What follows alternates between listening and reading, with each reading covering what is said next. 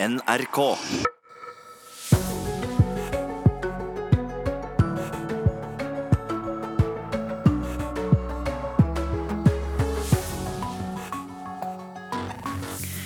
Elver av glødende lava har tatt livet av minst 25 mennesker i et vulkanutbrudd eh, i Guatemala, som du hørte i Dagsnytt. Kan USAs president Donald Trump benåde seg selv? Ja, mener advokaten hans. Isbjørnen som sjekket inn på et hotell på Svalbard i går, er tilbake. Sysselmannen tar opp jakten. Og i Kulturnytt skal vi høre at mange studenter i norsk er for dårlige i grammatikk. De har rett og slett ikke lært nok i grunnskolen og på videregående, mener professor Hans Olav Enger. En del av studentene gjør sånne feil som jeg oppfatter som forholdsvis elementære. Det er jo et poeng at dette er vordende norsklærere. Anne Jetlund Hansen og jeg, Ida Creed, vi skal prøve å um, ha et godt språk med god grammatikk i dag. God morgen. Det er uh, mandag 4. juni. Først skal vi høre at 25 mennesker også er bekreftet omkommet etter et vulkanutbrudd sør i Guatemala. Flere av ofrene er barn. 300 mennesker er skadet og mer enn 2000 evakuerte. ¿Tu Concepción qué fue lo que pasó? Concepción, cuéntame. ¿Qué le pasó? ¿Qué qué sucedió? En eldre mann forteller om det som skjedde. Han sitter på en trestubbe og er dekket av aske og leire. Rundt ham ligger livløse mennesker. De rakk ikke å komme seg i sikkerhet, og døde i elver med glødende lava. Consuelo Hernández reddet livet, men det var bare så vidt. Hun forteller hvordan landsbyen hennes er nedbrent, og at mange ikke kom seg ut. Flere fra hennes familie er savnet. De fleste omkomne var inne i husene sine, forteller hun, som ble antent av lava. Der inne ble de brent til døde. Myndighetene i Guatemala har ennå ikke oversikt, men sier at så langt er 25 mennesker bekreftet døde. Hundrevis har fått skader, minst 2000 er evakuert, flere er savnet. Årsaken er vulkanen Fuego, som ligger sør i landet. I går formiddag startet utbruddet, som er det kraftigste på mer enn 40 år. Aske og røyk stiger fortsatt opp fra vulkanen. Flyplasser er stengt. Store områder er dekket av aske. Redningsmannskaper og militære styrker er nå på vei inn i katastrofeområdet. De frykter at de der vil finne flere døde. Det sa utenriksreporter Eirik Veum. Vi skal hjem igjen og høre at Nasjonal sikkerhetsmyndighet sier de blir kontaktet av mange direktører som rett og slett trenger råd før de setter ut IT-driften til utlandet, det som kalles outsourcing. Pågangen har kommet etter NRKs saker på IKT-svikt, bl.a. i Nødnett, Helse Sør-Øst og Statoil, og nå har sikkerhetsmyndighetene rett og slett laget en liste med råd til usikre direktører. Men den er jo basert på alt vi har sett og hørt. Bente, du er jo svaret for henne. Absolutt. Sjefen i NSM gjør siste finpuss på rådene de skal gi direktører som vil flagge ut IT-drift til utlandet. For direktørene er redd for å gå på en sikkerhetssmell, at fortrolig informasjon om kunder og virksomheten skal komme på avveie, og at de inngår en kontrakt det er dyrt å komme seg ut fra. Så ser vi at det er et behov for å komme ut med anbefalinger og litt tydelighet på konkrete ting man skal tenke på før man kjenner støtsett. Det sier Bente Hoff i NSM. Og det er én feil som veldig mange virksomheter gjør. Det vi først og fremst har sett, er en mangel på, eller mangelfulle risikovurderinger. Og risikovurderinger som løftes høyt nok i organisasjonen. For IT er mye mer enn bare teknologi. Det er viktig å tenke på at uh, tjenesteutsetting ikke er et rent IT-anliggende. Uh, det er beslutninger som hører hjemme hos ledelse, hos uh, styrer. Og for tjenesteutsetting av kritisk infrastruktur, eller det som er virkelig viktig i offentlige Norge, så bør det også forankres i departementene.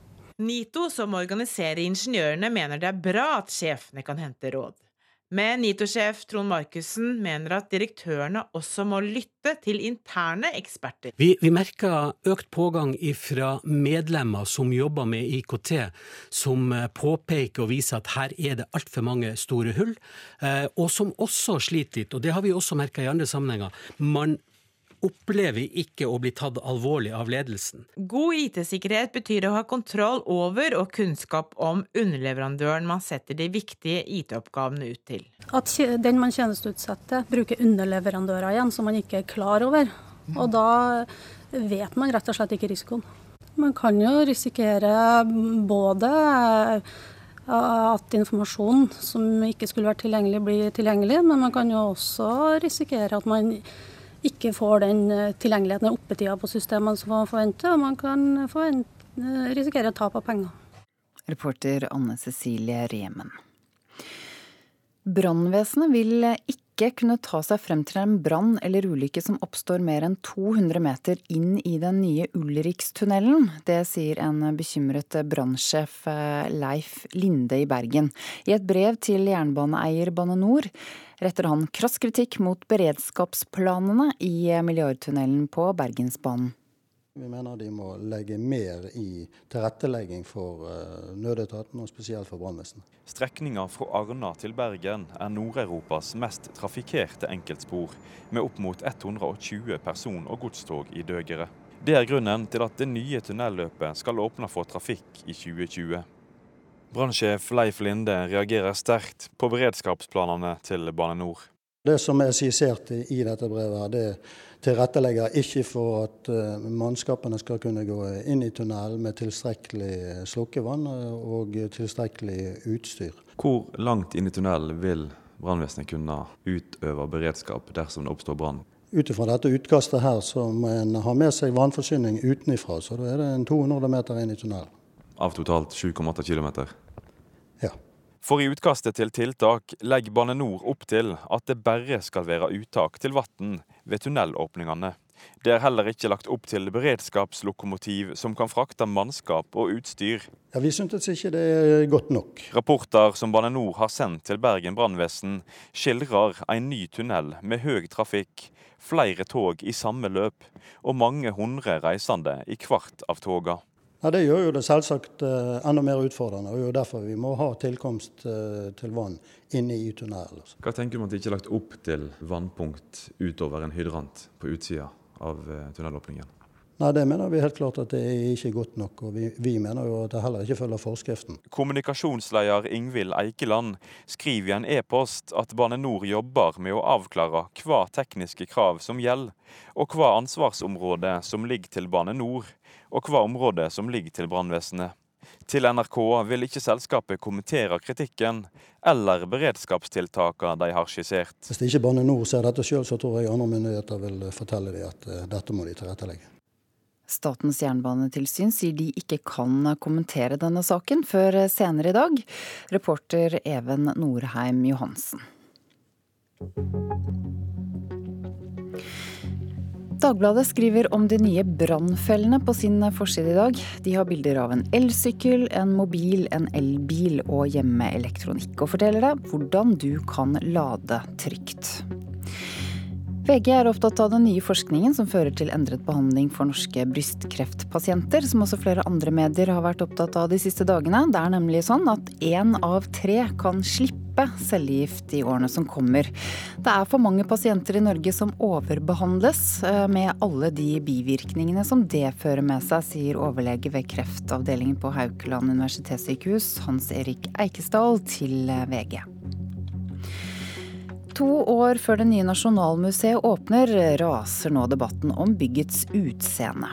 Mange mener eh, museet ser ut, ser ut som et fengsel, eller kanskje enda verre, et parkeringshus. Det fokuserer Aftenposten på denne mandagen. Avisen har snakket med arkitekter som mener det nye museet er avvisende, ignorant og introvert. Andre kaller det for det rømningssikre nasjonalfengselet og klagemuren.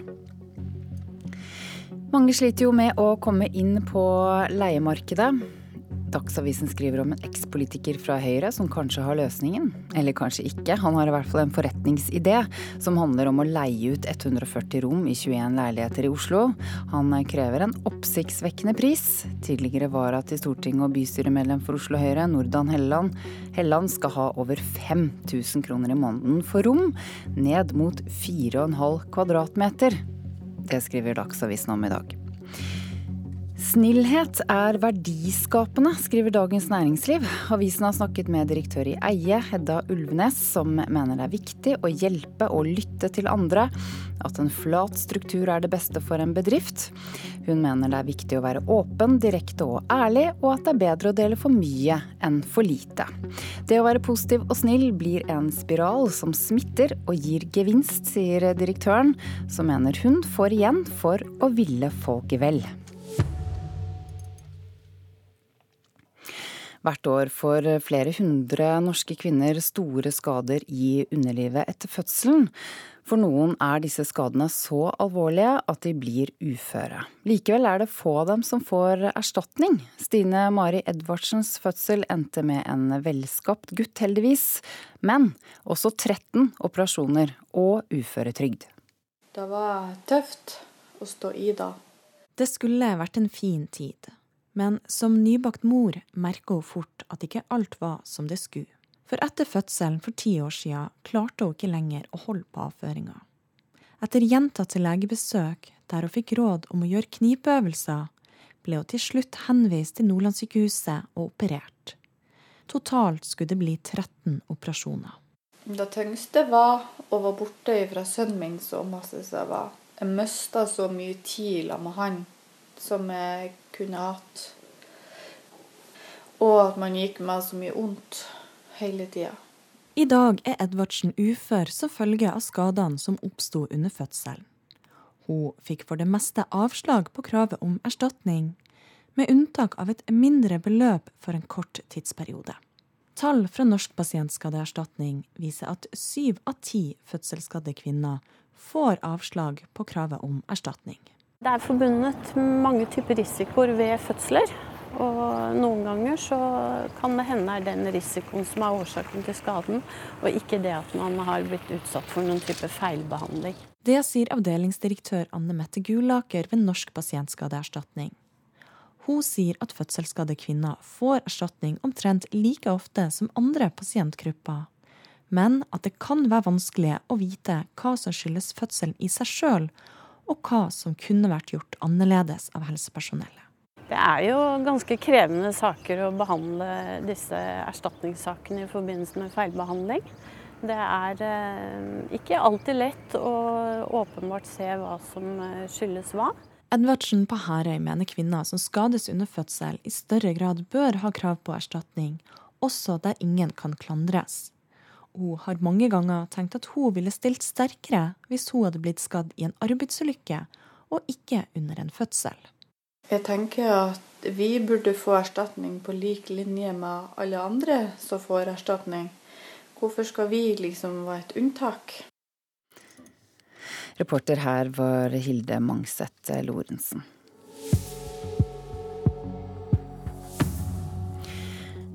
100 personer er evakuert etter en brann i Bergen i natt. Usikre direktører ber Nasjonal sikkerhetsmyndighet om IT-hjelp. Ja, dette er noen av overskriftene i Nyhetsmorgen nå. Klokken er 6.46. Nå til et eh, sentraleuropeisk land som vi ikke ofte snakker om eh, her i Nyhetsmorgen, nemlig Slovakia. Landets president Andrej Kiska kommer på Slovakias første offisielle statsbesøk til Norge i dag. Jan Sima, leder for Norsk-slovakisk forum, tolk og oversetter. Du skal møte presidenten i ettermiddag og være med på gallamiddagen på Slottet i kveld. Hva står egentlig president Andrej Kiska for politisk? Ja, god morgen. Eh, Andrej Kiska er jo folkevalgt president. Eh, valget av presidenten i Slovakia foregår i en slags eh, folkeavstemning, dvs. Si at alle borgere deltar. og han er blitt valgt som en uavhengig kandidat. Han har en bakgrunn i næringslivet og står så vidt politisk helt uavhengig fra politiske partier.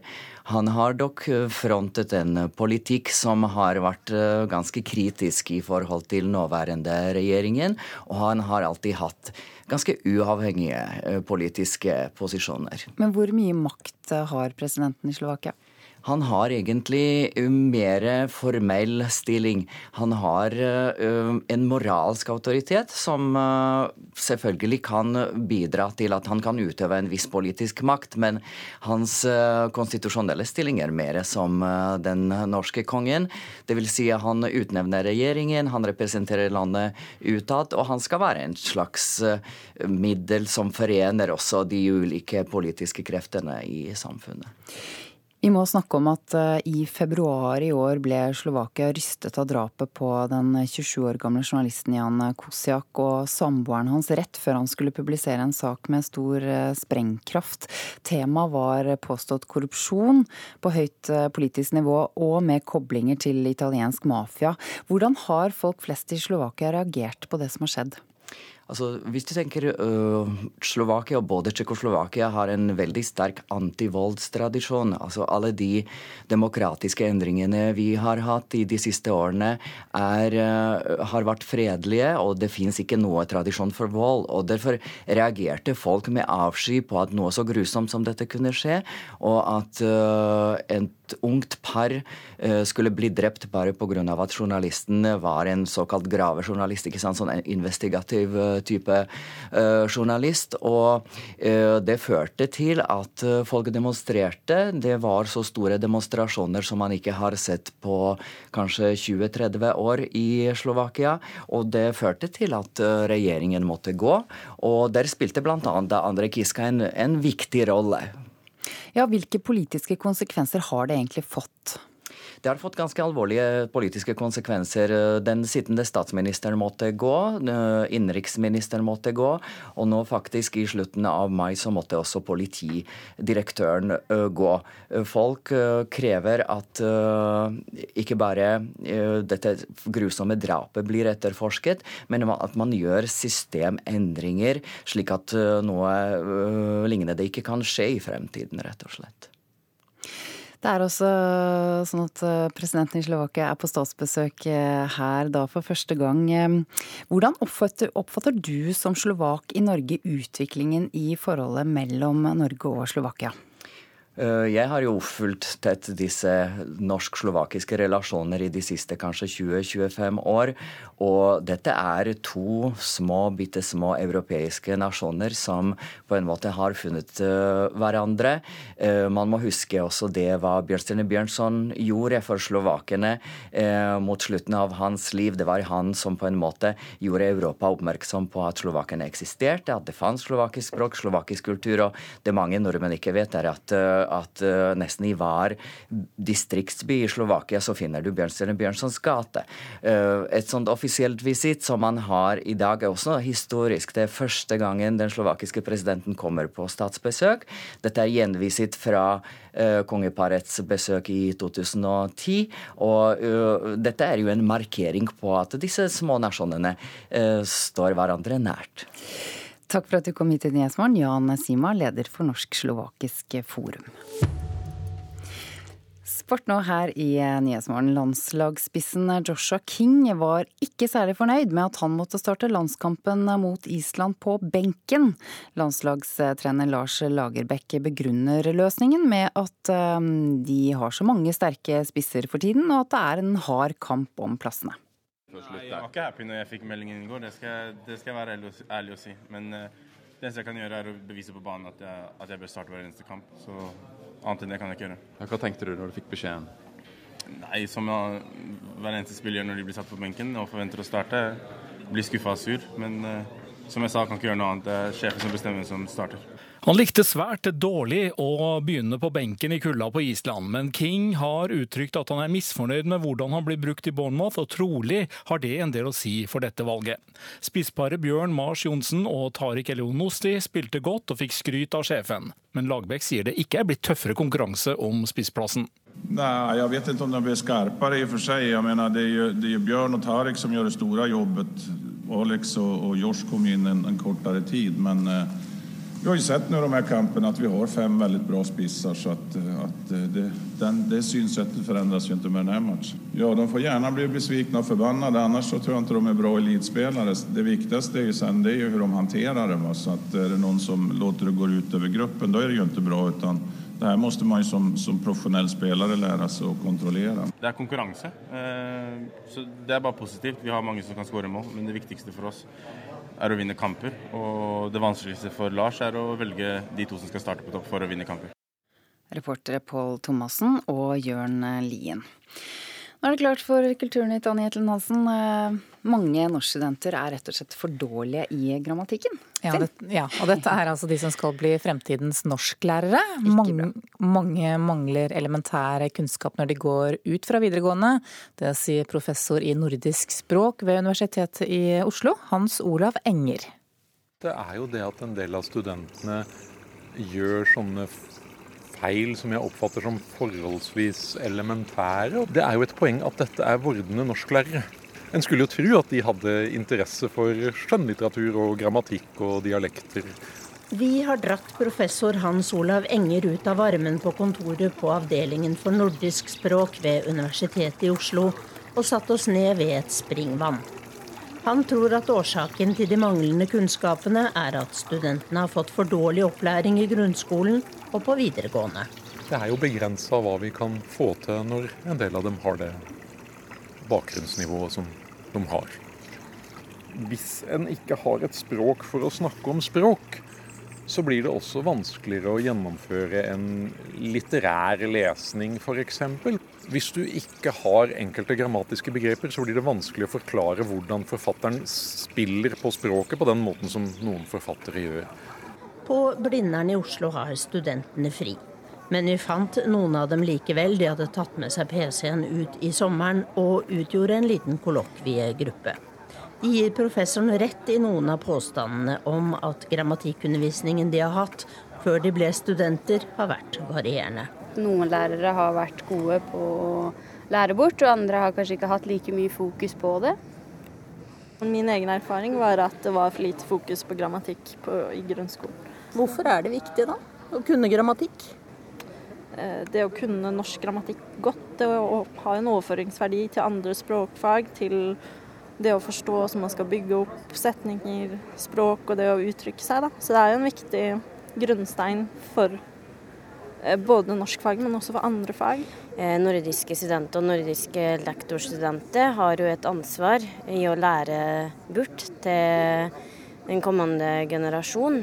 Da er jo for å forstå språkstrukturer som en kan ta med seg videre i eh, andre språkfag. Eh, fransk, tysk, engelsk, som òg blir lært, og spansk for så vidt, som òg blir lært på norske skoler. Sa tre av framtidas norsklærere. Det er Utdanningsdirektoratet som har ansvaret for læreplanene. Der arbeides det for en fornyelse av fagene, også norsk, og det viktigste innholdet, kjerneelementene i faget, skal blinkes ut. Bente Heian er seniorrådgiver i direktoratet. Disse utkastene har vært ute på høring, og vi har fått mange gode innspill, bl.a. når det gjelder grammatikk. Det har vi tatt til følge, og vi har justert utkastet sånn at det kommer tydelig fram at elevene skal ha kunnskaper om og et begrepsapparat for å kunne beskrive grammatiske sider ved språket. Og så blir det opp til læreplangruppa å ta dette videre til høsten. Det sa seniorrådgiver i Utdanningsdirektoratet Bente Heian. Reporter var Tone Staude. Og direktøren i Språkrådet er gjest her i Nyhetsmorgen om en drøy time, ca. kvart over åtte.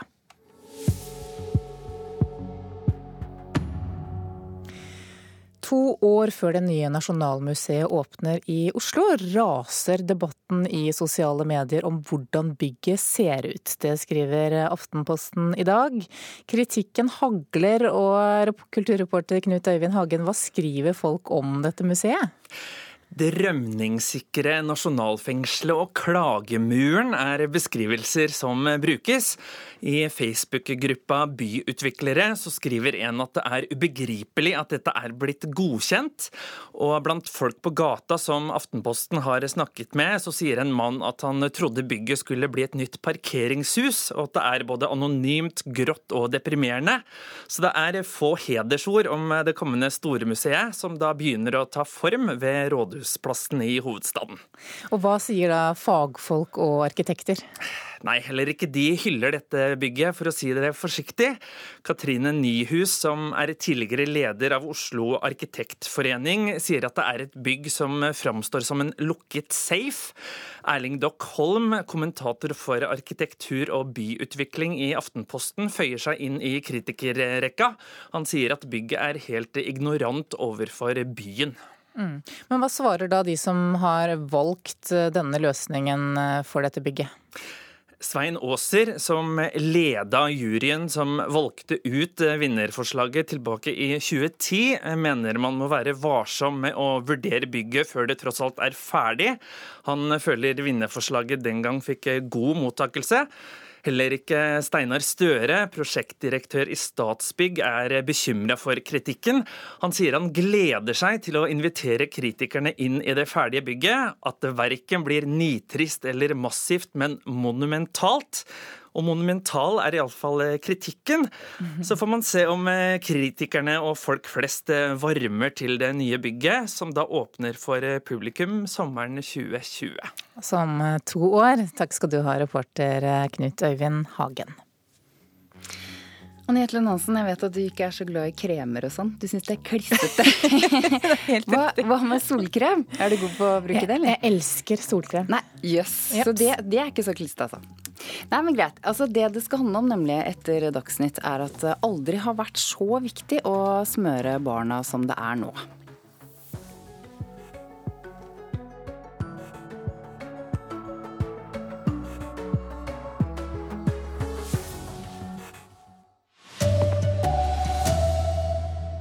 Ikke glem å beskytte barna mot den sterke sola. Det er rekordmye ultrafiolett stråling i Sør-Norge nå.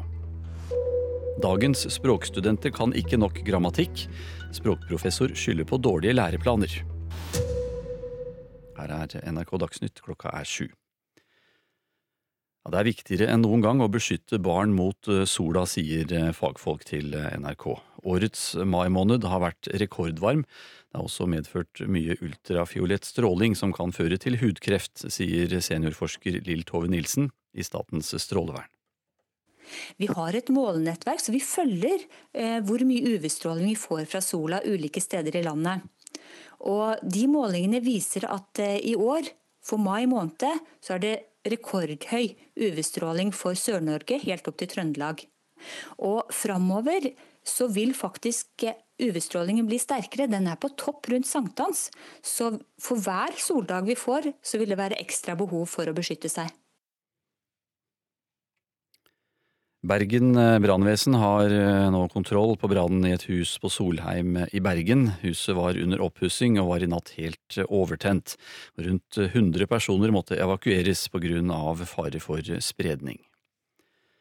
En kvinne i slutten av 60-åra som det var en kvinne i 60-åra som omkom i en frontkollisjon mellom en personbil og en buss på Europavei 39 ved Tronviktunnelen ved Moi i natt. Kvinnen var fører av personbilen og var på vei sørover på E39 da hun kom over i motsatt kjørefelt. Bussen var tom for passasjerer og hadde bare en sjåfør om bord, ifølge politiet.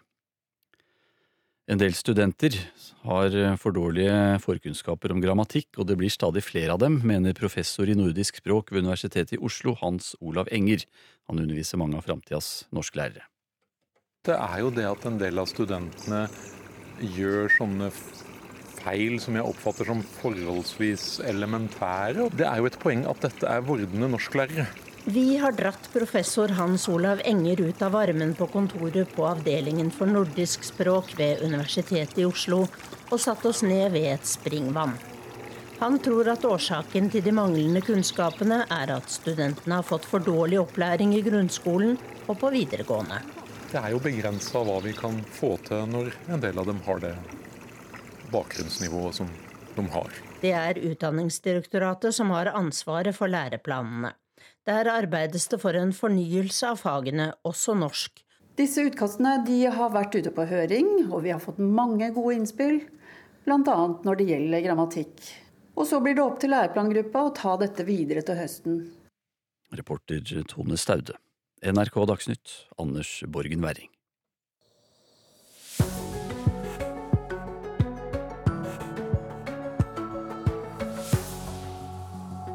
Verste, er, det verste, er, at vi har med solkremen nå. Den har stått i bassengkanten, men har ikke blitt brukt. Ja, Å ikke smøre barna med solkrem nå kan straffe seg om noen år. Aldri har det vært så viktig med beskyttelse mot solen. Norge gror igjen. Hva kan vi gjøre med det, spør vi straks. Men først altså, aldri før har det vært så viktig å beskytte barna mot solen som det er nå. Det sier flere eksperter til NRK. Årets mai måned er den varmeste som noensinne er målt. Hege Eriksen Osvald og familien koste seg i Frognerbadet i Oslo i går, men uten å bruke solkrem. At det er kjempefint og ikke blitt brent selv om jeg ikke har brukt solkrem. Litt rød, litt rød. Ja, litt rød, men det vil jeg gjerne bli også. Men vi kom ikke tidlig, og så har vi stort sett vært under vann. Så jeg tror det har gått veldig bra. Og ungene har, ungene har bra grunnlag, så dette, ja. Nok en kjempevarm dag i Sør-Norge gjorde at mange var mye utendørs også i går. Samtidig har den uvanlig lange varmeperioden ført til ekstra mye ultrafiolett stråling sier seniorforsker Lill Tove Nilsen i Statens strålevern. Vi har faktisk aldri før målt så mye UV-stråling eh, for mai måned som i år for Sør-Norge og helt opp til Trøndelag. Snart ni år gamle Arthur Osvald syns det var deilig å være i Frognerbadet når det var så varmt. Ja, siden det var så varmt, så kunne man bade, og så ble det litt kaldere. Storebroren Adrian sier at han ikke liker solkrem. Fordi det er så klissete mot huden. Men det hadde nok vært lurt å bruke solkrem, sier faren Jørgen Osvald. Ja, det, verste er, det verste er at vi har med solkremen nå. Den har stått i bassengkanten, men har ikke blitt brukt. Bare glemt av, eller? Nei, men det blir sånn kliss når du skal opp og ned av vannet med den kremen. Kanskje er det særlig på Vestlandet at folk har opplevd varmeperioden som helt ekstraordinær, sier overlege Halvard Reigstad ved barneavdelinga på Haukeland universitetssykehus. Med temperaturer som er så høye som de er i øyeblikket, og veldig kraftig UV-stråling, så er det riktig å si at eh, dette her er en ekstrem situasjon. Da er det særlig viktig å beskytte ungene, sier Reigstad. Spedbarn er jo det aller viktigste, men òg småbarn opp i, eh, i førskolealder er viktige å beskytte imot eh, kraftig sollys. For Det er de som skal leve lenge og er mest utsatt for de senere solskadene. som Det ene er at de kan ha skada hud, men det andre er òg at en øker kreftfaren for de, for de barna. Ved Frognerbadet treffer vi òg ti år gamle Linn Amalie i lag med mora Line Håkenstad. Linn Amalie er heller ikke så glad i solkrem. Det er litt ekkelt. Men vet du hvorfor du må gjøre det? Ja, for å ikke bli solbrent. Som kreftsykepleier er Line Håkenstad spesielt opptatt av å beskytte seg og dattera i sola. Jeg ser konsekvensene av det som er ondartet føflekkreft bl.a. Eh, som kan få veldig langvarige konsekvenser, for det kan spre seg senere eh, hvis ikke det tas i tide. Og vi har veldig høy forekomst av det i Norge. Så det er litt om varsko til folk at de må tenke seg om når de er i solen, og heller bruke den tiden det tar, og smøre seg med en god faktor. Reportere her var Kjartan Rørslett og Haldor Asfall. Og da har vi fått i studio Lill Tove Nilsen. Vi hørte deg kort i innslaget, nå er du her i studio. Du er forsker på UV-stråling ved Statens strålevern. Solkrem er noe kliss og for slitsomt å bruke, hørte vi her. Hva vil du si til den pappaen? Det jeg vil si er at ja, det går fint an å ikke bruke solkrem, men da må man jo passe på hvor mye og hvor lenge man er i solen. Eh, så det aller mest effektive er jo kanskje å være i skyggen. Og det er faktisk veldig deilig når det blir så varmt. Ja. Men med barn er det ikke så lett å holde de i ro i noe skygge dagen lang. Og da er vi nødt til å også ta på de noe klær. Lette, fine klær med masse farger, det er helt supert det er for å beskytte huden. Men så må vi ta på solkrem der vi ikke beskytter oss ellers, når det blir så mye sol som det har vært. Men så kan det også være en del barn som protesterer kraftig på å bli smurt inn. Jeg har hatt et sånt barn. Hvordan skal man håndtere det? Uten å da ødelegge gleden over å være ute?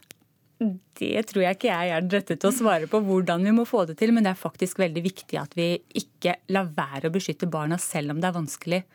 Eh, men som sagt, det er tiden og hvor mye vi er i sola som betyr noen ting. Så, så det å la de få lov å leke også i skygge, det er veldig viktig. Og legge til rette for at de kan være steder hvor, hvor solen ikke steker for mye. Ja, det er det. Hvorfor er det da så viktig å beskytte barna i sommervarmen? Nå, med sola så følger disse UV-strålene, og de gjør oss solbrent hvis vi får for mye av de. Og barnas hud er litt sårbar. Og den, den, skaden de får nå, den husker huden senere. Og jo mer skade vi får, jo større er sjansen for at vi får eh, skade på huden. Og da tenker vi kanskje spesielt på hudkreft senere i livet. Ja, Hva er det som kan skje når man ikke passer på godt nok? Eh, jo flere ganger man blir solbrent, jo mer skadet blir huden. Og jo mindre blir muligheten for å reparere alle skadene. Så, så, da kan det bli sånn at senere i livet så får vi hudkreft. Og som du var inne på tidligere, den alvorlige formen føflekkreft, melanom, det er en skummel sak som vi også kan dø av. Mm.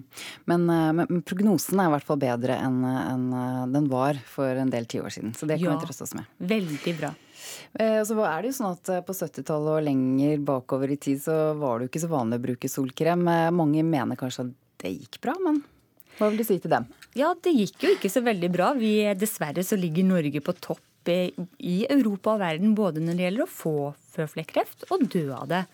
Og den mangelen mangel på solkrem er nok en av årsakene. Og det at vi, mye, at vi har begynt å reise mer til Syden og være mer ute. Takk for at du kom hit, eh, Lill Tove Nilsen, eh, som er forsker på UV-stråling ved Statens strålevern.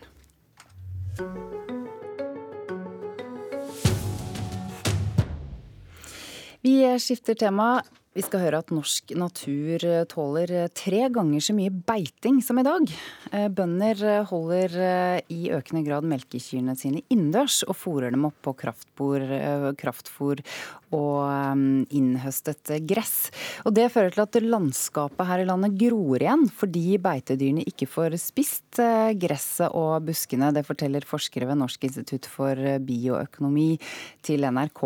Og en av dem er deg, Oskar Pushman, du har dokumentert endringen i landskapet helt siden 1990-tallet med å ta bilder av det. Du er fotograf. Hva er det du har sett? Eh, jeg har sett eh, en fantastisk eh, reise i landskapsendringer som er knytta til den velstandsøkningen vi har hatt fra å være Europas fattigste land fra slutten av 1800-tallet til den velstanden vi har i dag. Og det har satt seg store spor i landskapet. Jeg er så heldig at jeg har fått lov å reise rundt i alle landets kommuner og, og fotografert rundt 3000 bilder sånn før og nå, fra 1860-årene helt opp, eller et nyere bilder fra bare noen år tilbake. Og vi ser jo det at det grønnes overalt. Det gror godt igjen. Og spesielt i den uh, gårdsnære innmarka og utmarka, altså der folk bor rundt, uh, rundt husa våre, der har det skjedd store endringer. Så hvilke områder i Norge er det? Det er eh, det er forskjellige landskapstyper. og For å bruke liksom begrep som folket tar, så er det kanskje kysten av Troms og Finnmark. Vi har uh, vestlandskysten, trøndelagskysten, vi har de ytre fjordbygdene. Og vi har ikke minst skogbygdene i Sør-Norge, som da strekker seg fra, fra Agder og opp til, til Hedmark, liksom. Så, så, det er egentlig har, det er ikke så lett å se den utviklinga når du bor på det sentrale Østlandet eller på Jæren eller rundt Trondheimsfjorden, men uh, store deler av Norge er i ferd med å miste det. Og Vi snakker jo veldig mye om at vi skal ha et uh, levende jordbruk over hele landet. Og, bildene viser vel egentlig at den jordbruksveven, altså det nettverket vi hadde av jordbruk over hele landet, den er i ferd med å få huller rundt omkring. Ja, og hvor fort mener du at dette skjer?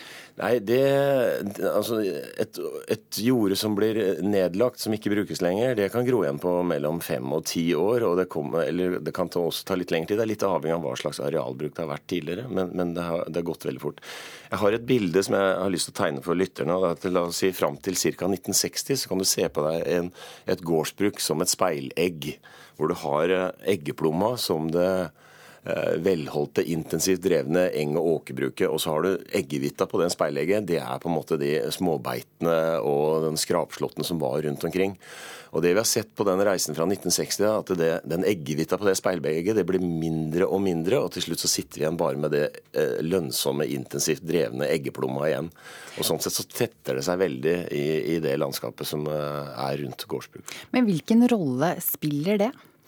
Det eh, er det spiller en veldig stor rolle. fordi at det, dette her, Jeg, jeg syns det, det, flotte med det norske jordbruket er at det er en, eh, en symbiose mellom det å produsere mat, det å ta vare på naturkvaliteter og det å ta vare på kulturminner.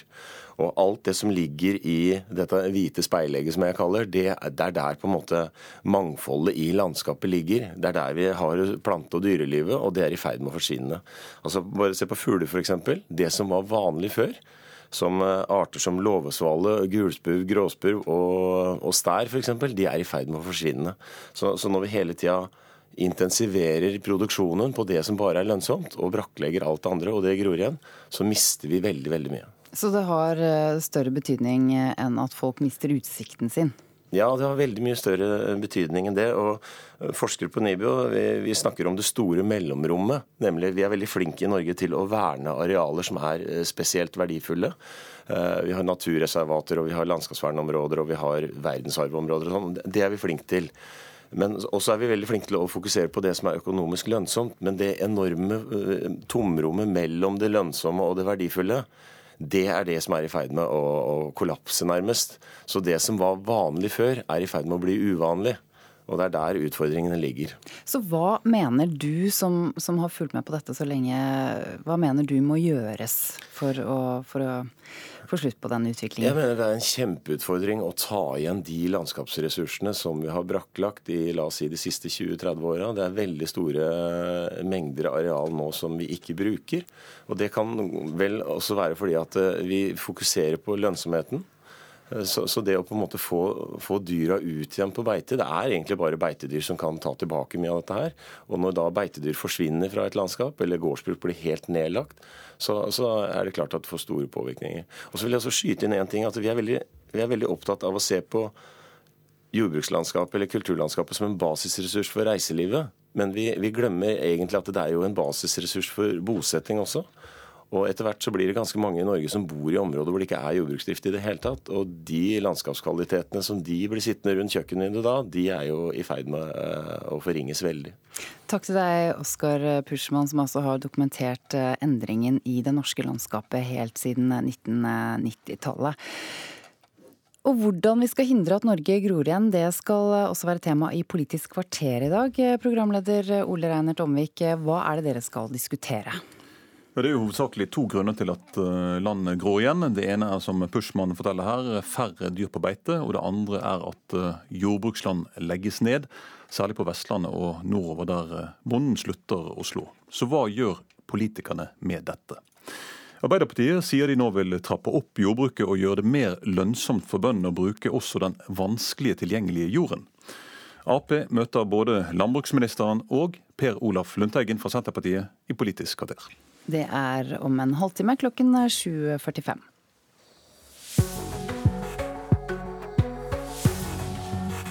Det er Nyhetsmorgen du hører på. Klokken er 7.16. Dette er hovedsakene nå.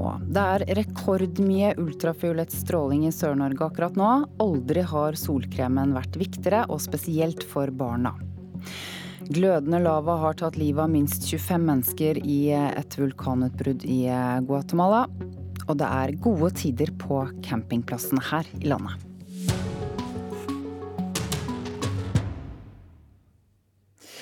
Kan president Trump benåde seg selv dersom eh, spesialetterforsker Robert Mueller eh, skulle finne ham skyldig i en føderal forbrytelse? Ja, mener Trumps egne advokater.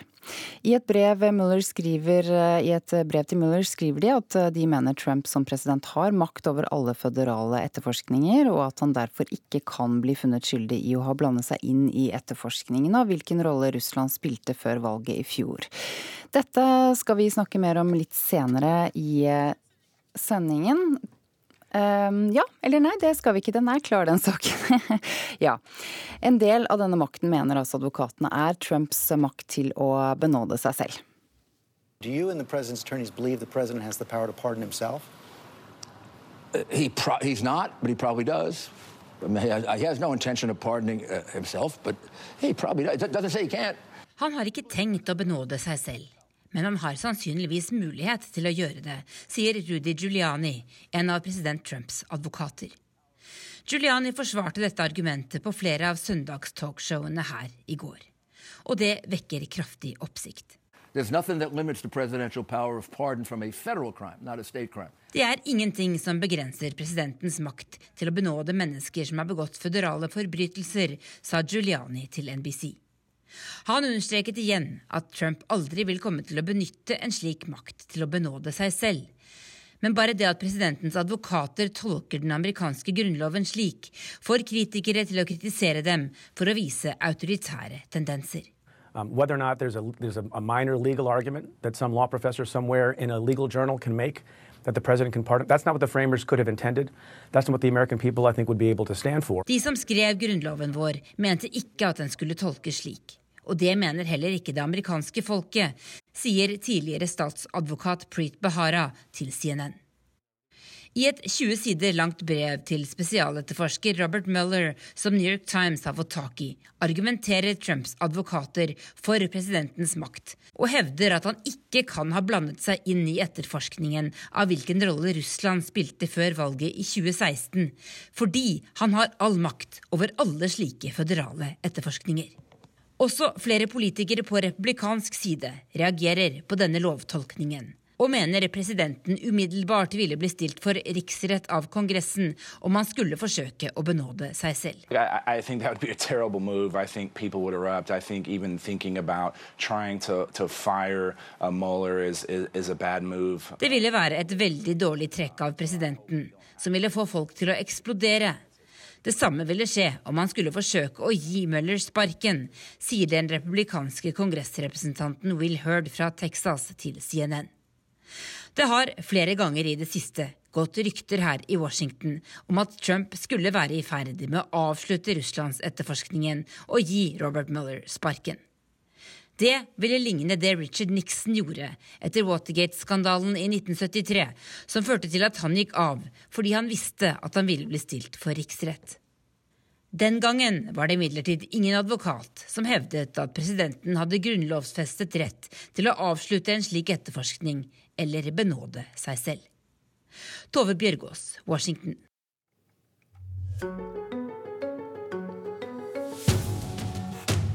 Vi holder oss til eh, USA, men vi skal eh, bakover i tid. For i dag er det 50 år siden den amerikanske presidentkandidaten Robert F. Kennedy ble drept. Han hadde akkurat vunnet primærvalget i California.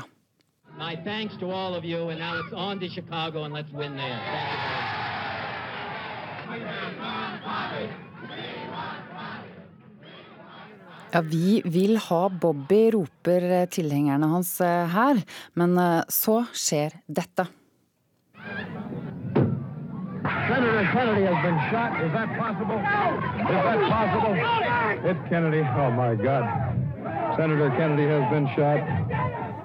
Ja, denne lyden var hentet fra ABC News dekning av hendelsen for altså akkurat 50 år siden. Utenriksmedarbeider og tidligere USA-korrespondent Joar Ho Larsen, det var bare fem år da siden storebroren hans, president John F. Kennedy, ble skutt og drept. Hvor dramatisk var dette drapet på broren Bobby? For det første så må man jo også si at eh, når en, i dette tilfellet en amerikansk politiker, blir myrdet eh, rett etter at han har vunnet eh, nominasjonsvalget i landets største stat, sannsynligheten for at han vil kunne bli nominert å bli president, er stor. Det er dramatisk i seg selv. Så kommer selvfølgelig denne tilleggsdimensjonen som du nevner, at broren hans ble skutt mens han var president snaut fem år tidligere, som jo selvfølgelig da også øker dramatikken i dette. I tillegg så var jo borgerrettsforkjemperen Martin Luther King skutt og drept bare to måneder tidligere. slik at i denne konteksten så var dette utrolig sterkt og på mange måter helt ødeleggende for, for USA. Han hadde allerede vært eh, justisminister både i brorens regjering eh, og han fortsatte under Lyndon B. Johnson. Hva sto han for politisk? Han representerte, tror jeg det er riktig å si, en slags venstrefløy i Det demokratiske partiet. Han utfordret jo Johnson. Eh, Johnson trakk seg som president. Han fremsto i 1968 som de fattiges kandidat, på tross av sin egen rikdom og privilegerte oppvekst og bakgrunn. Men først og fremst så var han i 1968 antikrigskandidaten. Han ønsket å trekke troppene ut av Vietnam dersom han ble president. Og det var det som gjorde han til et slags håp for veldig mange amerikanere. Ja, Hva var de sterkeste sidene hans som politiker? Han eh, var en veldig karismatisk fyr. Jeg var på et valgmøte med ham faktisk i 1968 i California like før han ble skutt. Han hadde en, en utrolig utstråling. Eh, han hadde sjarm. Han var i han hadde evnen til å skape begeistring og entusiasme, samtidig som han var veldig kompromissløs. Han var veldig tydelig, slik at det var aldri noen tvil om hvor man hadde Robert Kennedy, i motsetning til mange andre mer utflytende kandidater rent politisk. Slik at han representerte en kanskje en mer ungdommelig type, og en helt annen type enn mange etablerte politikere gjorde den gangen. Altså, Hva slags president tror du han ville blitt? Det er så forferdelig vanskelig å si. Mange vil selvfølgelig sammenligne hans med hvordan broren hans var. Eh, Robert Kennedy eh, da han ble skutt, kona hans var gravid med deres ellevte barn. Det ville i hvert fall blitt en veldig stor og annerledes eh, barneflokk i Det hvite hus. Men han ville nok ha blitt en slags representert Kennedy-familien, som er en veldig sterk familie i USA. Han ville videreført dette, dette litt kongelige ved, ved Det hvite hus og ved Kennedy-familien. Gjerningsmannen var en palestinsk flyktning. Hva var motivet hans? Dette skjedde i tilknytning til ettårsdagen for seksdagerskrigen mellom Israel og araberstatene i, i Midtøsten. Kendi hadde selv sagt at dersom han ble president, så ville han støtte eh, Israel ved å selge kampfly. Det mente denne palestinske flyktningen var et svik mot palestinernes sak. Det var på mange måter hans motiv. Og nå tror eh, Robert F. Kennedys sønn at, eh, at han er uskyldig, altså denne palestinske flyktningen. Veldig kort til slutt, hvorfor det? Fordi Robert F. Kennedy jr. har satt seg grundig inn i saken. Han studerte bevisene som veldig mange har tvilt på i mange år. Han har fått det for seg at Sirhan Sirhan, som den mannen heter, ikke kan ha gjennomført denne handlingen, eh, selv om bevisene tyder på at det kanskje var han som gjorde det. Ja, Mener du at det er noe i det? Jeg syns vi skal overlate det til, til myndighetene. Men det som er pussig, er at eh, Robert F. Kennedy mener at det ble avfyrt flere skudd der inne i dette lille lokalet enn det Sirhan Sirhan hadde i sitt våpen. Det påfallende er at ingen har sett denne såkalte second gunman. Det er eh, påfallende. Takk til deg, utenriksmedarbeider og tidligere USA-korrespondent Joar Hoel Larsen.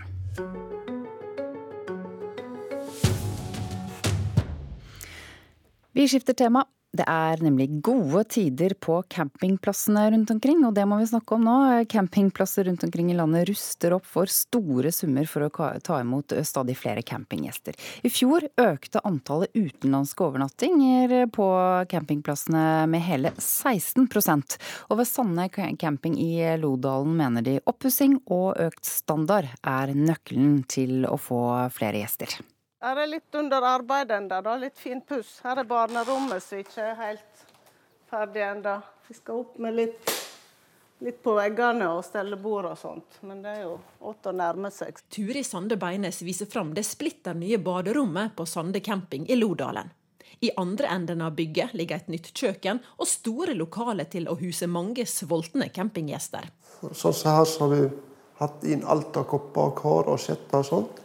For at uh, Folk trenger egentlig kun å ha med seg maten. Sier Magne Beines. De to eierne og driverne av campingen har de siste året brukt mye penger på å heve standarden og utvikle plassen, til liks med svært mange andre i bransjen. På Sande camping er det brukt rundt 1 million kroner bare siste året. Vi ser jo det at til mer vi investerer, til bedre plasser vi har, til mer gjester får vi. Mer fornøyde gjester og ja, mer gjenkjøp. Oh. No. Nede ved vannet har et canadisk telt gjort jobben for natta. Stenge og duk går i bakken. This view beats any uh, five-star hotel I've ever stayed at, sure. Daryl Beaton og kjæresten Evanna Doring fra Alberta i Canada synes utsikta er bedre enn det et femstjerners hotell kunne gitt dem. Men også serviceanleggene er viktige når de skal velge campingplass. Facilities are really nice. The washrooms are nice. The, the people at the front desk, you could tell they were very re receptive and welcoming. So, Også vaskerommene var bra, og de i resepsjonen var så imøtekommende. Tallet på utenlandske campingovernattinger økte med hele 16% i fjor.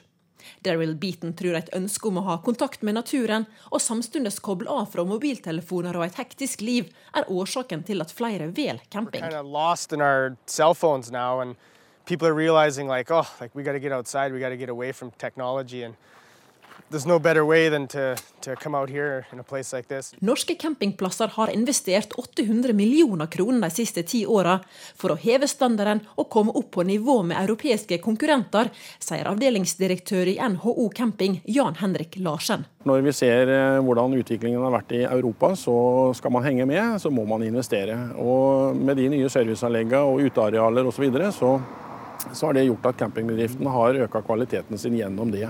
Både NHO og Visit Norway har tro på at reiselivet vil oppleve nok en rekordsommer. Så Vi ser jo allerede på tallene så langt i år, så har vi jo hatt en bra økning i forhold til fjor på, på campinggjestedøgn. Denne tendensen har også Turia Magne Beines merka. I pinsa måtte de sende rundt 100 bubiler og teltere videre, for campingen var smekkfull. De har knapt ei ledig hytteseng de kommende tre månedene. Det er voldsomt bra. Vi har aldri hatt så mye bookinger som vi har i år. Reporter her var Silje Kristin Guddal.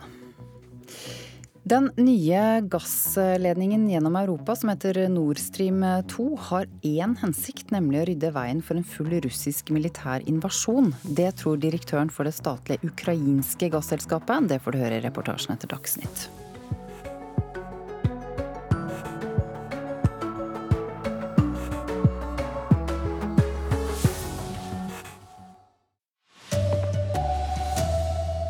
Ikke glem å beskytte barna mot den sterke sola. Rekordmye ultrafiolett stråling i Sør-Norge nå. Kan Donald Trump benåde seg selv? Det mener advokaten hans. Isbjørnen som sjekket inn på hotell i går, er tilbake. Nå tar sysselmann på Svalbard opp jakten. Her er NRK Dagsnytt, klokka er 7.30. I Sør-Norge har det aldri vært viktigere å beskytte barn mot for mye sol enn nå, mener eksperter. Grunnen er den langvarige varmeperioden i mai og hittil i juni. Det sier seniorforsker Lill Tove Nilsen i Statens strålevern. Det har aldri vært så viktig å passe på barna som nå når det er så mange soldager og så mye UV-stråling. Også i går kunne mange nyte det gode været i Sør-Norge. Og Hege Eriksen Osvald og familien koste seg i Frognerbadet. Kjempedeilig. Bade til mange timer sammen med ungene. Kjempegøy. Hege, mannen Jørgen Osvald og guttene Adrian og Arthur var altså i utendørsbassenget i flere timer, men brukte ikke solkrem, sier 11-åringen Adrian. Eh, Nei, jeg liker det ikke. Hvorfor ikke det? Fordi det er så klissete mot huden. Det har vært uvanlig sterk UV-stråling den siste måneden, sier Strålevernets Lill Tove Nilsen. Vi har faktisk aldri før målt så mye UV-stråling for mai måned som i år for Sør-Norge og helt opp til Trøndelag. Ved Frognerbadet er familiefar Jørgen Osvald enig i at solkrem hadde vært lurt. Au. Det verste, er, det verste er at vi har med solkremen nå. Den har stått ved bassengkanten, men den har ikke blitt brukt. Den ultrafiolette strålinga fra sola øker fram mot sankthans. Og den lange perioden med sterkt sollys også på Vestlandet gjør det spesielt viktig å beskytte ungene, sier overlege Halvard Reigstad ved barneavdelinga på Haukeland universitetssykehus. Spedbarn er jo det aller viktigste, men òg småbarn opp i, i førskolealder er viktige å beskytte imot eh, kraftig sollys. Det ene er at de kan ha skada hud, men det andre er òg at en øker kreftfaren for de, eh, for de barna. Reportere Kjartan Røslett og Haldor Asvald. Bergen brannvesen har nå slukket brannen i et hus på Solheim i Bergen. Huset var under oppussing og var i natt helt overtent. Og rundt 100 personer måtte evakueres pga. fare for spredning. 25 personer er bekreftet omkommet etter et vulkanutbrudd sør i Guatemala. Flere av ofrene er barn. 300 mennesker er skadd og mer enn 3000 evakuert.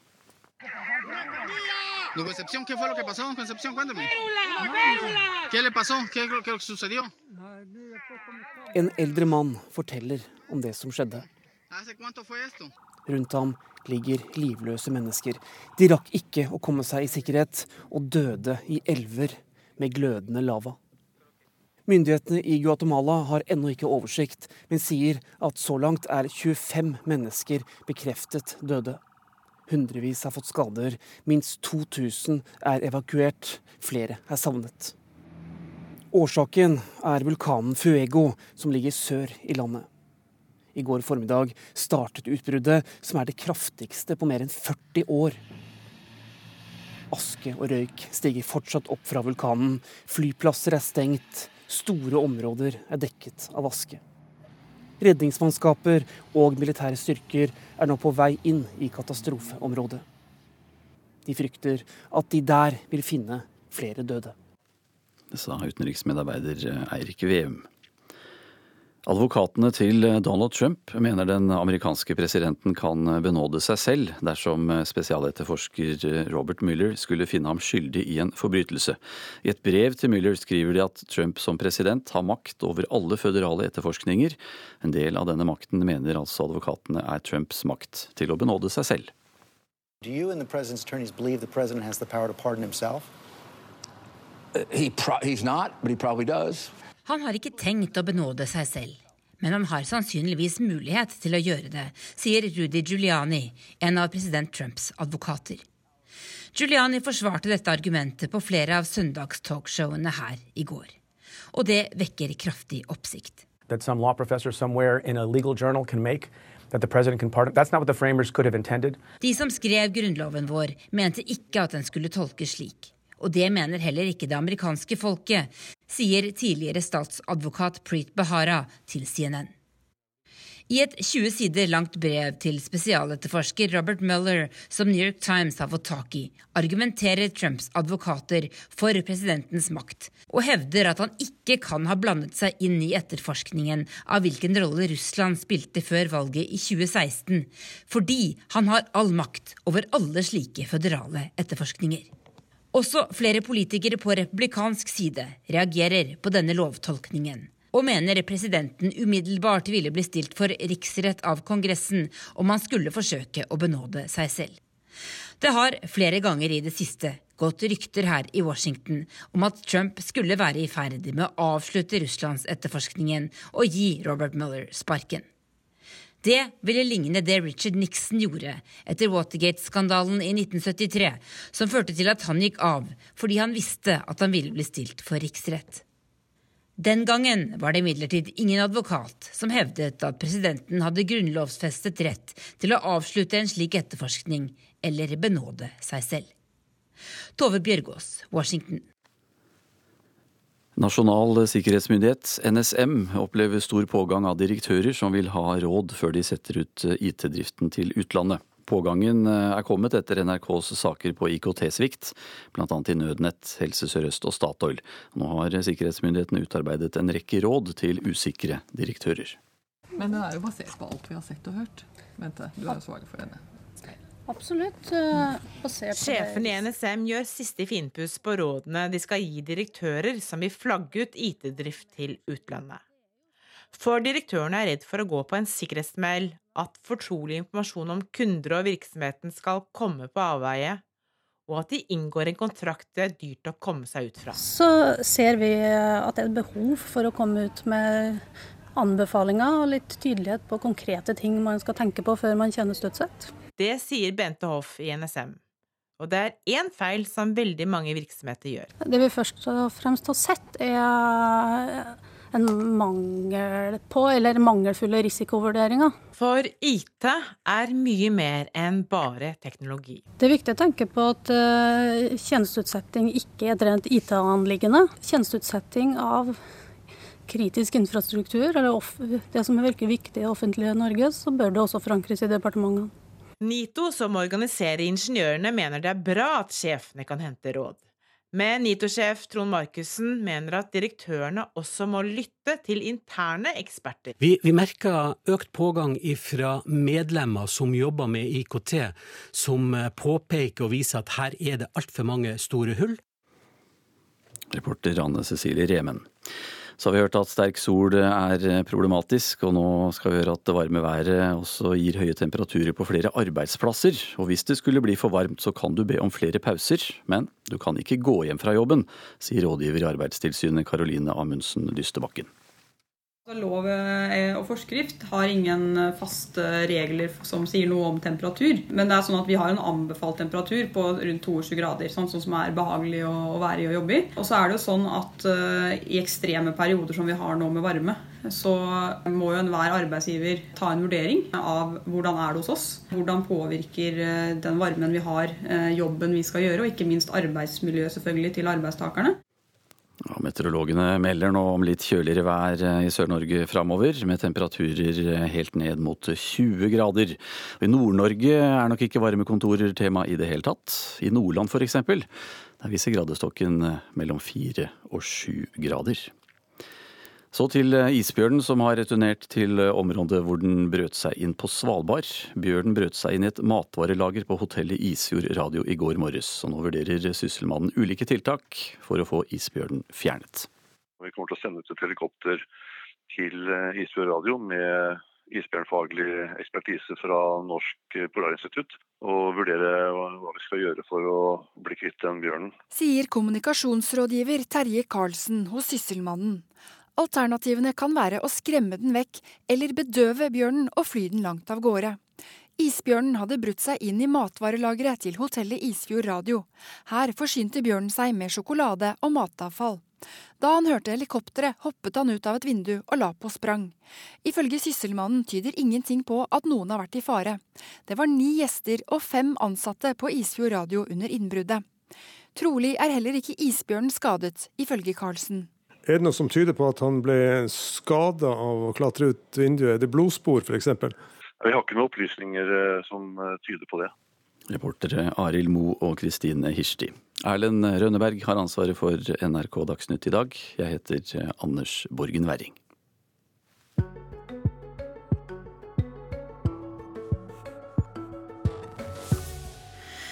Den nye gassledningen gjennom Europa, Nord Stream 2, har ett mål, nemlig å rydde veien for en full russisk militær invasjon.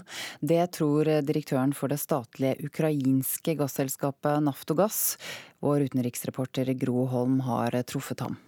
If you look at the map of Russian invasion into Ukraine, you will notice that the areas they've been avoiding uh, is the area of transit pipeline because they cannot allow themselves to jeopardize gas transit to Europe. Hvis du ser på kartet over hvor russerne har invadert Ukraina, så ser du at de har unngått områder med transittrørledninger.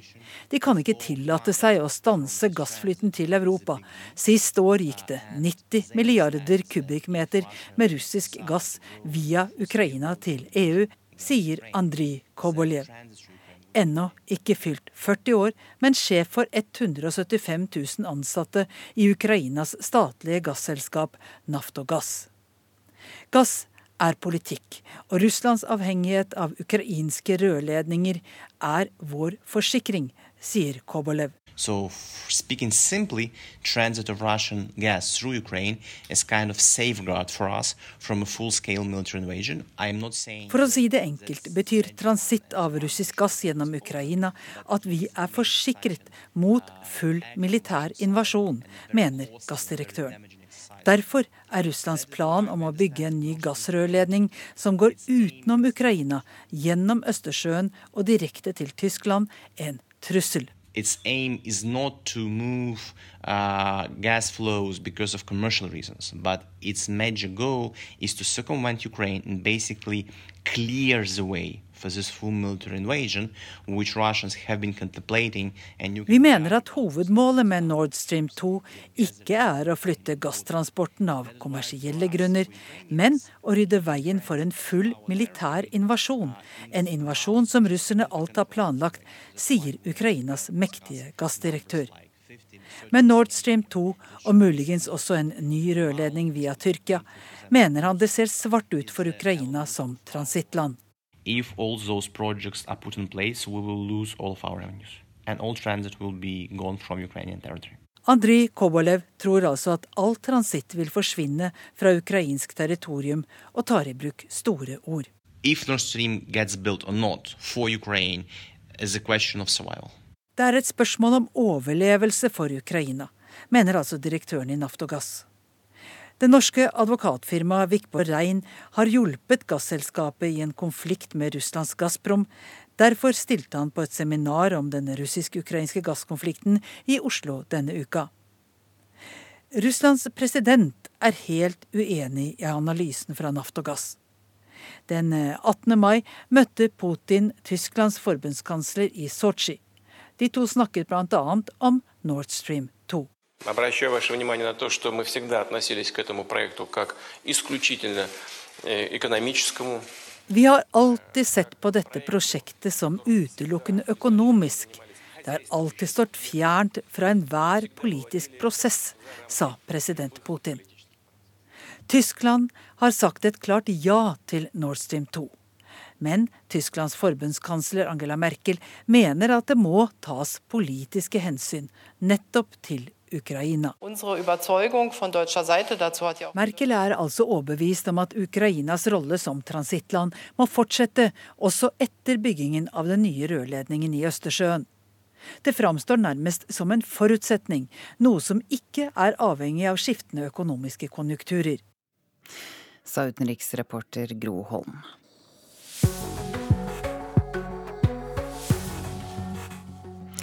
Norge gror igjen, men Arbeiderpartiet tror de har løsningen på hvordan vi kan hindre at det skjer. Og så får vi høre om alle er enige i den løsningen. Dette blir det mer om i Politisk kvarter. Ellers er dette det viktigste denne morgenen. Ikke glem å beskytte barna mot den sterke solen. Rekordmye ultrafiolett stråling i Sør-Norge akkurat nå. Kan USAs president Donald Trump benåde seg selv? Ja, mener advokaten hans. Og isbjørnen som sjekket inn på hotellet i går er tilbake. Sysselmannen på Svalbard har tatt opp jakten. Programleder Ole Reinert Omvik har nå samlet gjestene sine og er klar med Politisk kvarter.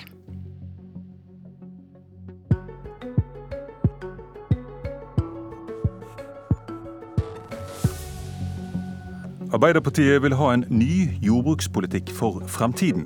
Vil hindre gjengroing av landet, ta mer jord i bruk og sikre de mindre bøndene oppe i skråningene. Musikk i Per Olaf Lundteigens ører, men hva sier landbruksministeren? Velkommen til Politisk kvarter. På Stortinget vil Arbeiderpartiet nå ha en opptrappingsplan for jordbruket. Ap vil særlig satse på bøndene på Vestlandet og nordover, så disse kan drive i mer utilgjengelig, brattlendt terreng og i utmark som i dag gror igjen.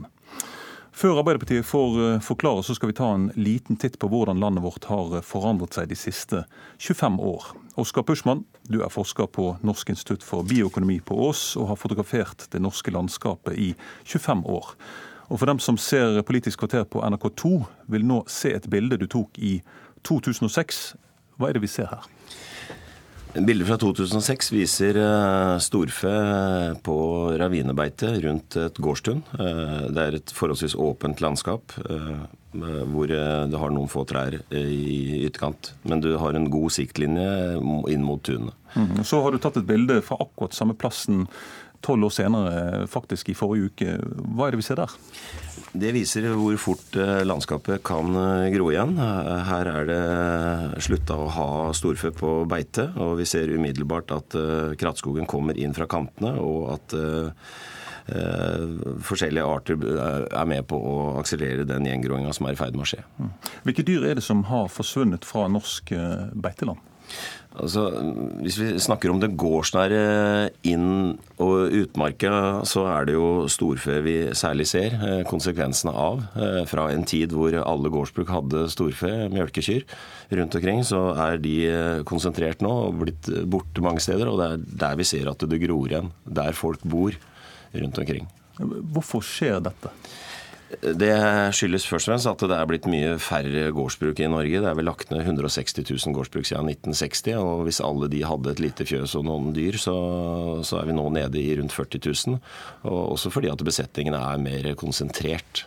Så, så, så det er blitt eh, en mer konsentrasjon av der spesielt storfe er, da, enn tidligere. Ja, er dyrene mer inne enn før, eller hva er det som har skjedd? Ja, Det gjelder vel på melkekyr, at de er mer inne på, på fjøset enn det der. Nå har vi fortsatt uh, mye ungdyr og ammekyr ute på beitene, og det hjelper jo mye. Men, uh, men det er vel kanskje spesielt det at uh, det er mer konsentrasjon av hvor besetningen er. Takk til deg, Oskar Pushman. Nils Kristen Sandtrøen, du er Arbeiderpartiets landbrukspolitiske talsmann. Hva vil dere gjøre med dette Pushman beskriver her? Utgangspunktet som vi hører er problemet her, er jo at naturressursene våre i Norge er for lite brukt. Det vil i klartekst si at vi blir avhengig av jordbruk i andre land for å sørge for at befolkninga vår har trygg mat av topp kvalitet. Og vi vet jo at det er utgangspunktet for at vi alle sammen skal ha god helse, og at vi har en felles sikkerhet i landet vårt. Så poenget vårt er rett og slett at vi må forbedre den jorda vi har i Norge, sånn at vi kan øke kvaliteten og mengden av gras, som Oskar her var inne på. Øke kvaliteten og mengden av kornproduksjon, frukt, bær og grønnsaker. Det er det som er grunnlaget for det norske jordbruket, å bruke jorda vår i landet vårt og bruke beiteressursene våre. Og da er det sånn at For å få til det i praksis, så må vi ha Eh, gardsbruk over hele landet, fordi jorda vår ligger spredt mellom fjord og fjell. Så det er bare en praktisk nødvendighet å ha den infrastrukturen som trengs for å ha en framtidsretta matproduksjon som sørger for god helse og sikkerhet i befolkninga vår.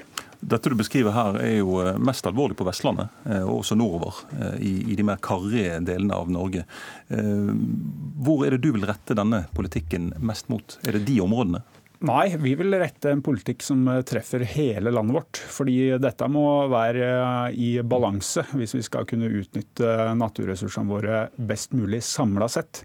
Det vil jo si at Vi har jo gode kornområder her i nærheten av hvor vi sitter nå på Østlandet, som vi ønsker å utnytte for best mulig kornproduksjon. Og så må vi ta i bruk de gras- og beiteressursene som vi bl.a. finner på Vestlandet og i Nord-Norge, sånn at de kan brukes til å styrke selvforsyninga og sikkerheten i Norge. Det høres dyrt ut, dette. Hvorfor skal vi være villige til å betale for dette? Det som er dyrt, er å la være.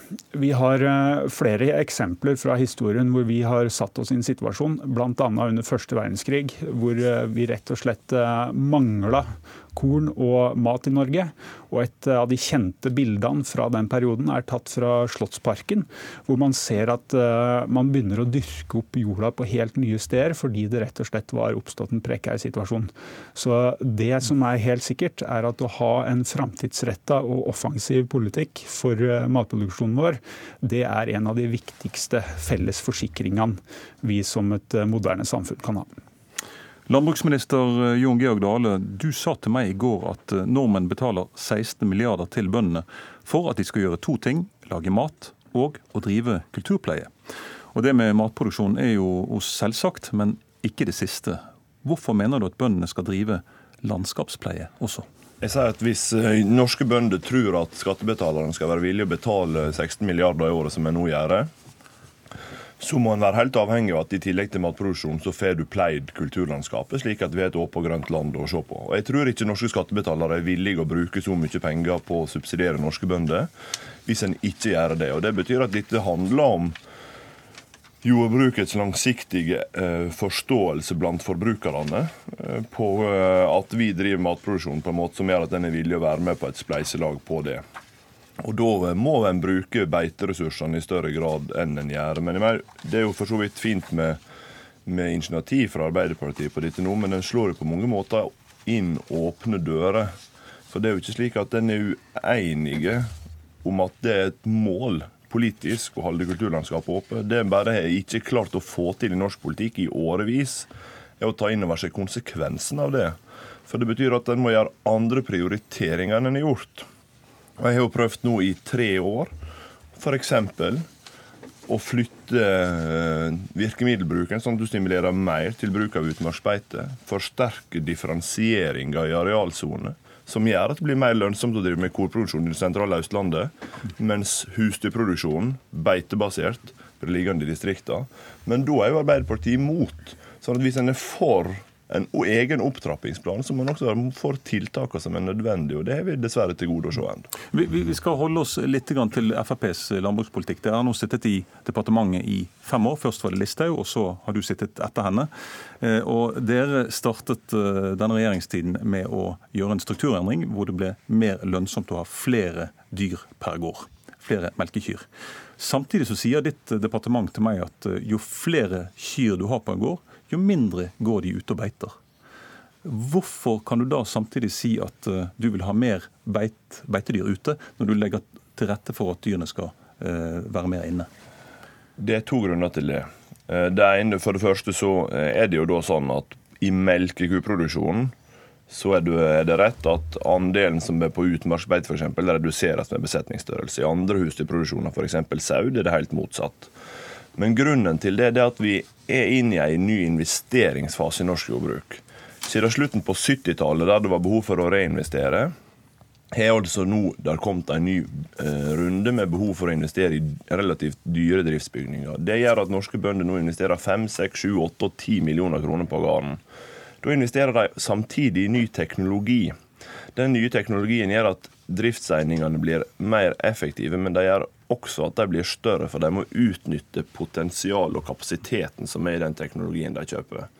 Og Det medfører strukturendringer. og Det går an å si at den er imot. og Det er omtrent samme virkninger som å si at du vil putte, trykke tannkremen tilbake igjen på tuba. Du får det ikke til.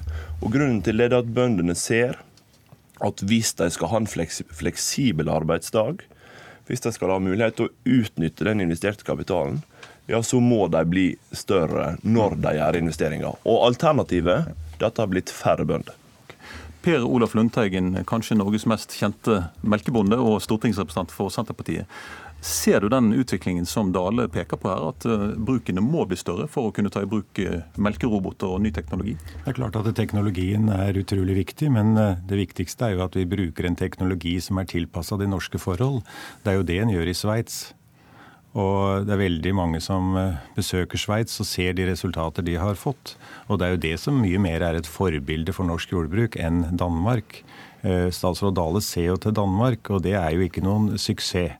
Sånn at teknologien, den eh, må vi hele tida forbedre ut ifra det som er de norske forholdene. Hvorfor skal nordmenn kjøpe dyrere norsk mat hvis maten produseres inni en fjøshall? På samme måte som eh, tyskere og dansker gjør, Dale? Ja, For det første så jeg, jeg har aldri nevnt Danmark en eneste gang i en eneste debatt. Så hva Lundteigen har det fra at jeg ser dit, det aner ikke jeg. Jeg tvert imot de siste åra prøvd å bidra til å styrke grunnlaget for beitebruken. Det har vi jo sett.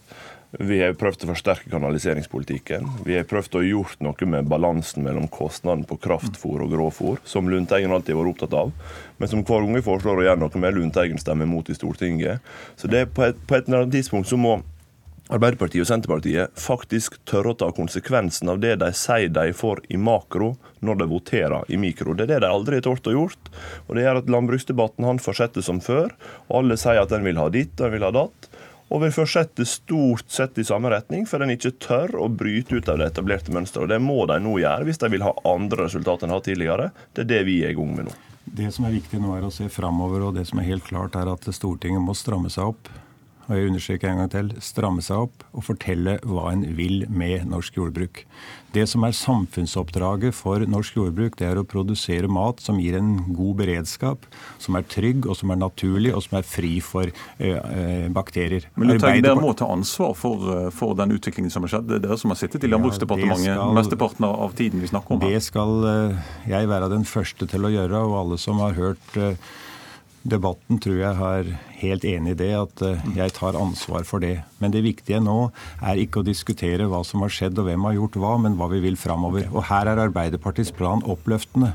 Den er oppløftende. Det er en grunnlag for en allianse, for en allianse som kan gi flertall for noe nytt. En flertall som ser mot Sveits, som ser mot måten den har gjort det på der. Bruker moderne teknologi. Har en utnyttelse av jord og beite som både produserer på en langsiktig måte og ivaretar fellesskapets interesser, og produserer sunn, trygg mat. Det er ikke minst viktig. Sandtrøen, by og land hand i hand, Arbeiderpartiet og Senterpartiet, eller Bondelaget i eh, Bondepartiet i 1935. Er det det vi står overfor her nå? Det som skjedde den perioden, var jo nettopp det at vi eh, klarte å få rusta opp en politikk for arbeidsplasser i hele Norge, og som kunne bruke verdiskapninga, enten det er på de grasressursene som vi hørte Oskar Pursmann snakka om innledningsvis, eller det er kornområdene her på Østlandet. Poenget er veldig enkelt, og det er at i den tida vi lever i nå, så er det kanskje spesielt tre store endringer som påvirker folks sikkerhet.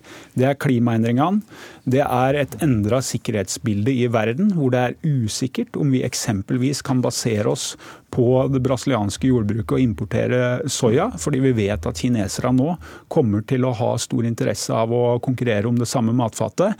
Og det er ikke minst den utviklinga vi ser, hvor antibiotikaresistens tar stadig flere liv. Så poenget er jo egentlig så enkelt som at hvis vi ønsker å ha en sikkerhet for hele befolkninga vår, så må vi bruke de naturressursene vi har. Og det er hovedformålet. Og da betyr det enkelt og godt at vi må ha eh, gardsbruk av en variert størrelse. Så det kommer som en praktisk konsekvens av det. Og bare for å legge til, en av de veldig viktige tinga som vi peker på i planen vår, det er jo at vi må nå gjøre en ekstraordinær innsats som fellesskap. Og vi håper jo at eh, hele stortingsflertallet er med på den tankegangen på at vi nå må tilpasse oss klimaendringene, sånn at vi kan gjøre noe med de store vannmengdene som kommer til å bli utfordrende for matproduksjon i Norge. Dale, hva syns du om taktene du hører fra Arbeiderpartiet? Nei, Det jeg opplever ikke at det er så mye nytt, så det er jo for så vidt greit å forholde seg til. Eh, det som er, det som er et paradoks, er jo at ingen i opposisjonen ser ut til å være bekymra for kostnadsutviklinga i norsk jordbruk. Og Det er hovedutfordringa vår hvis vi skal produsere mat i Norge, hvis vi skal produsere kulturlandskap i Norge. Det at kostnadsutviklinga dreg altså slik i vei at hvis en ikke får bidra til å bremse den, få ned kostnadene per produsert liter melk eller kilo kjøtt, så taper vi konkurransekraft mot det landbruket som Lundteigen og Sandtrøen sier de ikke vil ha. Og da hjelper det for så vidt ikke og at en har gode intensjoner på norsk landbruks vegne. Det er hovedutfordringa de kommende åra. Vi må få til kombinasjonen økt beitebruk og det. Og da trengs det langt mer dramatiske virkemidler enn det Sandtrøen nå tar til orde for. Landbruksminister Dale, der fikk du siste ord i denne debatten. Takk for at dere kom i studio. Mitt navn Ole Reinert Ongvik.